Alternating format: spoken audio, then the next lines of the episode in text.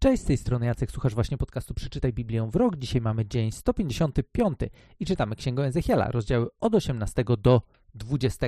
Dzisiaj w rozdziale 18 mamy opisaną historię, która jest pięknym obrazem Bożej sprawiedliwości. Jest też bardzo ważną lekcją dla nas, bo też widzimy, jak Izraelici zachowują się w stosunku do tego, jak Bóg okazuje swoją sprawiedliwość. I teraz chciałbym, żebyśmy zaczęli sobie od początku Ezechiela 18 rozdziału, gdzie mam napisane następujące słowa. Pan skierował do mnie słowo tej treści, cóż to za przysłowie powtarzacie sobie o ziemi Izraela. Ojcowie jedli kwaśne grona, a ścierpły zęby synów. Na moje życie, oświadcza wszechmocny Pan, już nie będziecie przytaczali tego przysłowia w Izraelu. Otóż każdy człowiek należy do mnie, zarówno ojciec, jak i syn, obaj są moi. Człowiek, który grzeszy, umrze, lecz ten, który jest sprawiedliwy, przestrzega prawa i sprawiedliwości, nie bierze udziału w ucztach ofiarnych i tak dalej, i tak dalej. Tutaj mamy kilka wersetów różnych rzeczy, co ta osoba sprawiedliwa robi i czego nie robi. Przeskakujemy do wersetu 9. Ten jest sprawiedliwy i będzie żył na pewno, oświadcza wszechmocny Pan. I dalej widzimy też to, jak Bóg zwraca wyraźną uwagę na to, że w zasadzie każdy ponosi odpowiedzialność za siebie, żeby było jasne. I teraz wiem, że może być taki moment, w którym sobie pomyślimy, że e, no dobra, Jacek, ale czy gdzieś tam w Starym Testamencie nie było czegoś, że tam e, kary będą na, po ileś pokoleń leciały e, i będą przekazywane z ojców na synów? Okej, okay. jeżeli to pytanie jest związane z księgą wyjścia z 20 rozdziałem z wersetami 5 i 6, które brzmią następująco, żeby było jasne. Nie składaj temu e, pokłonów ani nie oddawaj czci, ponieważ ja, Pan twój, twój Bóg, jestem Bogiem zazdrosnym.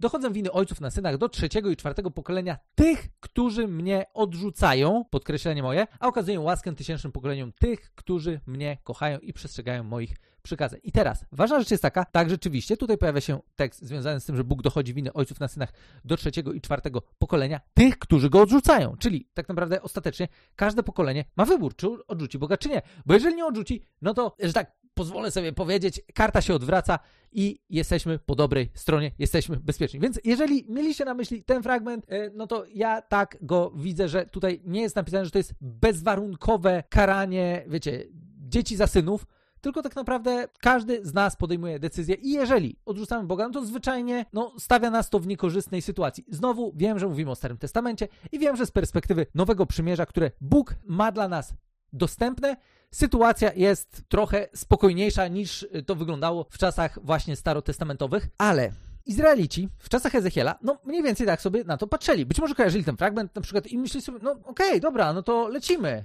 Niech będzie ostro, nie? Po prostu jeżeli ktoś schrzani, to niech te konsekwencje będą naprawdę dotkliwe. I zresztą, to jest też w 19 wersecie napisane dzisiaj. Wy pytacie, dlaczego syn nie ponosi kary za winę ojca? Otóż dlatego, że był posłuszny prawu, postępował sprawiedliwie, stosował wszystkie moje ustawy, więc będzie żył na pewno. I dalej znowu mamy kilka wersetów właśnie opisu tego, że hej, jest opcja odwrotu i w zasadzie ostatecznie to twoja postawa determinuje to, w jaki sposób Bóg będzie na ciebie patrzył. Że pozwolę sobie tak powiedzieć. I komentarz Izraelitów był taki w 25 wersecie: Wy jednak twierdzicie, postępowanie Pana nie jest słuszne. I chciałbym, żebyśmy teraz doczytali sobie ten rozdział do końca i podsumowali to wszystko, co dzisiaj tutaj nam się dzieje. Słuchajcie domu Izraela, czy to moje postępowanie nie jest słuszne, czy raczej wasze postępowanie nie jest słuszne? Czy gdy sprawiedliwy porzuci swoją sprawiedliwość i zacznie postępować niegodziwie, to umrze z tego powodu. Umrze za niegodziwość, której się dopuszczał. A kiedy bezbożny odwróci się od swojej bezbożności i zacznie postępować w sposób prawy i sprawiedliwy, wówczas zachowa życie swojej duszy. Bo pamiętał się, odwrócił się od wszystkich swoich nieprawości, będzie więc żył, na pewno nie umrze. Lecz dom Izraela powtarza, nie jest to słuszne postępowanie Pana. Czy moje postępowanie nie jest słuszne domu Izraela? To raczej wasze postępowanie jest niesłuszne. Otóż domu Izraela osądzę każdego według jego czynów, oświadcza wszechmocny Pan. Opamiętajcie się i odwróćcie się od wszystkich swych nieprawości. Dlaczego macie upaść przez swoją własną winę? Odrzućcie od siebie wszystkie swe nieprawości, połóżcie kres swym niegodziwym czynom, starajcie się o nowe serca i nowego ducha. Dlaczego macie umierać, domu Izraela? Gdyż mi nie zależy na śmierci śmiertelnych, oświadcza wszechmocny Pan.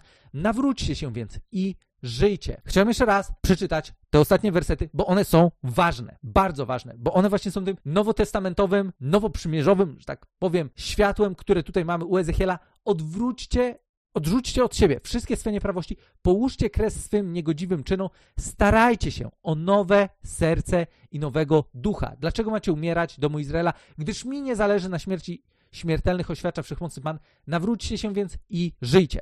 Teraz, zbierając to wszystko do kupy, czasami może być tak, że nam wcale niekoniecznie będzie się podobało to, jak Bóg traktuje osoby, które my byśmy potraktowali inaczej. Bo teraz, być może kojarzycie taką dosyć znaną historię o tak zwanym synu marnotrawnym, gdzie mieliśmy dwóch synów jednego ojca. Historia jest dosyć powszechnie znana, jest ona z Ewangelii Łukasza.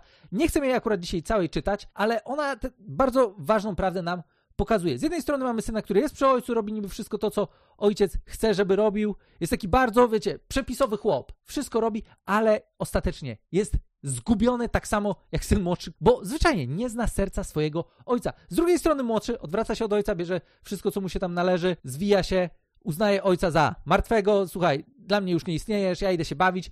No i w końcu, jak zabawa się skończyła, zaczyna się ogarniać, wraca do ojca, ojciec do niego biegnie, przygarnia go i organizuje mu imprezę. Co oczywiście oburza starszego, który był tak bardzo przepisowy, że on nie bardzo widział opcję taką, że ten młody, po tym jak rozwalił wszystko, co miał, miałby nagle mieć jeszcze imprezę. Bo przecież starszy tak bardzo dbał o to, żeby być przy ojcu, robić wszystko to, co ojciec chciał. I gdzie ojciec jednocześnie odpowiadając mu mówi, słuchaj, ale wszystko, co mam należy do ciebie. Czemu nie korzystałeś? Co w ogóle z tobą jest nie tak? I teraz, bardzo często my właśnie żyjemy taką postawą, że trochę ciężko nas, nam jest pogodzić się z tym, że ktoś miałby nie zapłacić za swoje złe postępowanie. Zwyczajnie, jako ludzie mamy takie trochę poczucie, wiecie, sprawiedliwości, która powinna być okazana.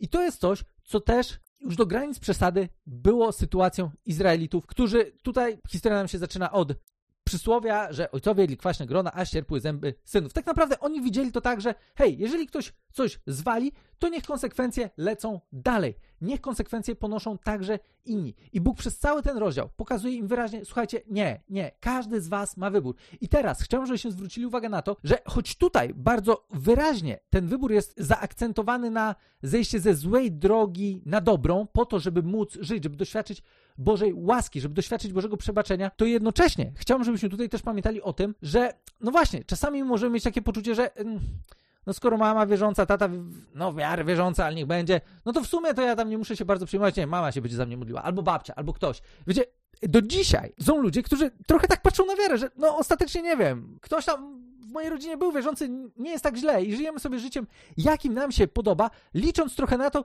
jakoby ta wiara była niejako dziedziczna. Nie, nie jest. Każdy z nas ponosi odpowiedzialność za swoje własne postępowanie i za swoje własne wybory. I chciałbym, żebyśmy dzisiaj zwrócili uwagę na inną historię, którą ja niesamowicie lubię która ona sądzę, że dla wielu może być oburzająca, gdybyśmy odkryli wagę tego, co w niej się dzieje. I ona jest też zapisana w Ewangelii Łukasza. Mówię też, bo dzisiaj się odnieśliśmy do jednej historii już z Ewangelii Łukasza, w 23 rozdziale, gdzie Jezus wisi na krzyżu. I wiemy, dosyć powszechną prawdą jest to, że Jezus był powieszony pomiędzy dwoma innymi złoczyńcami. I teraz, właśnie, wiecie, to jest tak, że jak my czytamy tę historię, tak myślimy sobie, no nie wiem, jest jakiś Jezus, jest jakiś dwóch złoczyńców, jakby wiem, że Jezus umrze, później zmartwychwstanie, spoko. Ci goście nie byli tam za nic ci goście naprawdę musieli schrzanić, żeby zasłużyć sobie na taką karę. To nie była kara, która była, jak już wiecie, szastano nią na prawo i lewo. To była kara dla naprawdę poważnych przestępców, którzy poważnie też zagrażali cesarstwu rzymskiemu. Więc tak, musieli coś ostro zwalić. I teraz czytamy historię, w której zaczyna się rozmowa właśnie tych dwóch zawodników, którzy wiszą obok Jezusa. I czytamy od 39 wersetu. Zaczął mu również urągać jeden z ukrzyżowanych przestępców. Skoro jesteś Chrystusem, uratuj siebie i nas. Drugi natomiast skarcił go. Czy ty się Boga nie boisz, choć wymierzono ci taki sam wyrok? Nam wprawdzie sprawiedliwie, bo zasłużyliśmy na to. Ten człowiek jednak nic nie zrobił złego. I dodał: Jezu, wspomnij na mnie, gdy przyjdziesz do swego królestwa. Jezus mu odpowiedział: Zapewniam cię, dziś będziesz ze mną w raju. Kocham tę historię. Ona jest mistrzowska. I kocham ją chyba najbardziej za to, że ona pokazuje nam, ile trzeba do tego, żeby doświadczyć Bożej łaski. Nie trzeba naprawdę za dużo. I czasami jest tak, że wiecie, my żyjemy takim filmem, że muszę zrobić to, muszę zrobić tamto, muszę się tak pomodlić, muszę takie słowa powiedzieć, muszę zrobić coś, muszę pójść. E, jakkolwiek. Różne rzeczy, mamy różne filmy odnośnie tego, co ja muszę takiego zrobić, że Bóg spojrzał na mnie przychylnie. I teraz mamy dwóch gości, którzy Właśnie, jeden no, porąbało go, jeszcze w ogóle się wymądrza, będąc w sytuacji totalnie beznadziejnej. Co więcej, zasłużonej. Zasłużył sobie na karę, o czym mówi mu jego kumpel, który wisi obok. Z tym, że ten kumpel zwraca uwagę na ważną rzecz. On rozumie swój błąd. On rozumie, że skrzanił. On rozumie, że jemu się należy kara, którą właśnie ponosi. On to kuma. On nie ma z tym problemu. Jest tylko jedna rzecz, na której mu zależy po tym, bo to jest ważna rzecz, którą tutaj widzimy. On rozpoznał Jezusa rozpoznał, kim jest Jezus. Rozpoznał, że Jezus jest królem. I wiedział o tym, nie wiem skąd, nie wiem skąd, naprawdę, ale wiedział o tym, że Jezus jest królem, którego śmierć nie kończy jego życia. Dlatego mówi: Jezu, wspomnij o mnie, gdy przyjdziesz do swego królestwa. Jezus na to mówi: Jeszcze dziś będziesz ze mną w raju. To jest naprawdę wyjątkowa historia, bo ten gość nie zdążył nic w swoim życiu zrobić, nie zdążył e, się odkuć za całą nieprawość, któr, której się dopuścił w swoim życiu. Nic nie zdążył zrobić. Wszystko, co zrobił, to rozpoznał Jezusa, przyznał się do swoich błędów i poprosił go o łaskę. Nawet o łaskę. Wspomnij, to jest wszystko, co Jezusa poprosił. A Jezus na mocy tego wyznania, tego jednego łotra, zapewnił mu wieczność razem z nim. Wieczność w raju. To jest coś absolutnie wyjątkowego, co dzieje się w tej historii. I znowu, ja wiem, że ją czasami tak czytamy sobie, tak wiecie, no tak na luzaczku. Yy, znamy historię, wiemy, co się dzieje, luz, nic ciekawego. Ale gdybyśmy widzieli to wszystko, co ten chłop zrobił, to nie wiem, czy nas czasami by nie poruszyło to, żeby sobie pomyśleć, kurka, za nic, co on zrobił? I to pokazuje, jak popaprane często mamy spojrzenie na Boga. Popaprane o tyle, że często mamy taki obraz, Trzeba coś zrobić, trzeba się dla Boga narobić, trzeba w ogóle nie wiadomo jakie rzeczy z siebie dać, wtedy Bóg spojrzy na nas przychylnym okiem. Nie, Bóg spojrzy na nas przychylnym okiem, kiedy? Odwrócimy się od swego złego postępowania i będziemy zwróceni w Jego stronę, będziemy chcieli żyć razem z Nim, będziemy chcieli żyć blisko Niego. Dlatego Bóg też mówi przez Ezechiela, Dzisiaj w 18 rozdziale, w 31 wersecie starajcie się o nowe serca i nowego ducha. Dlaczego macie umierać? Nie zależy mi na śmierci śmiertelnych. Nawróćcie się więc i żyjcie. To jest coś, co Bóg ma przygotowane dla nas, żebyśmy zwrócili się w Jego stronę i żebyśmy, mając Jego przed oczami, żyli życiem, w którym będziemy wpatrzeni w Niego. I patrząc w Niego, będziemy widzieć wzór tego, w jaki sposób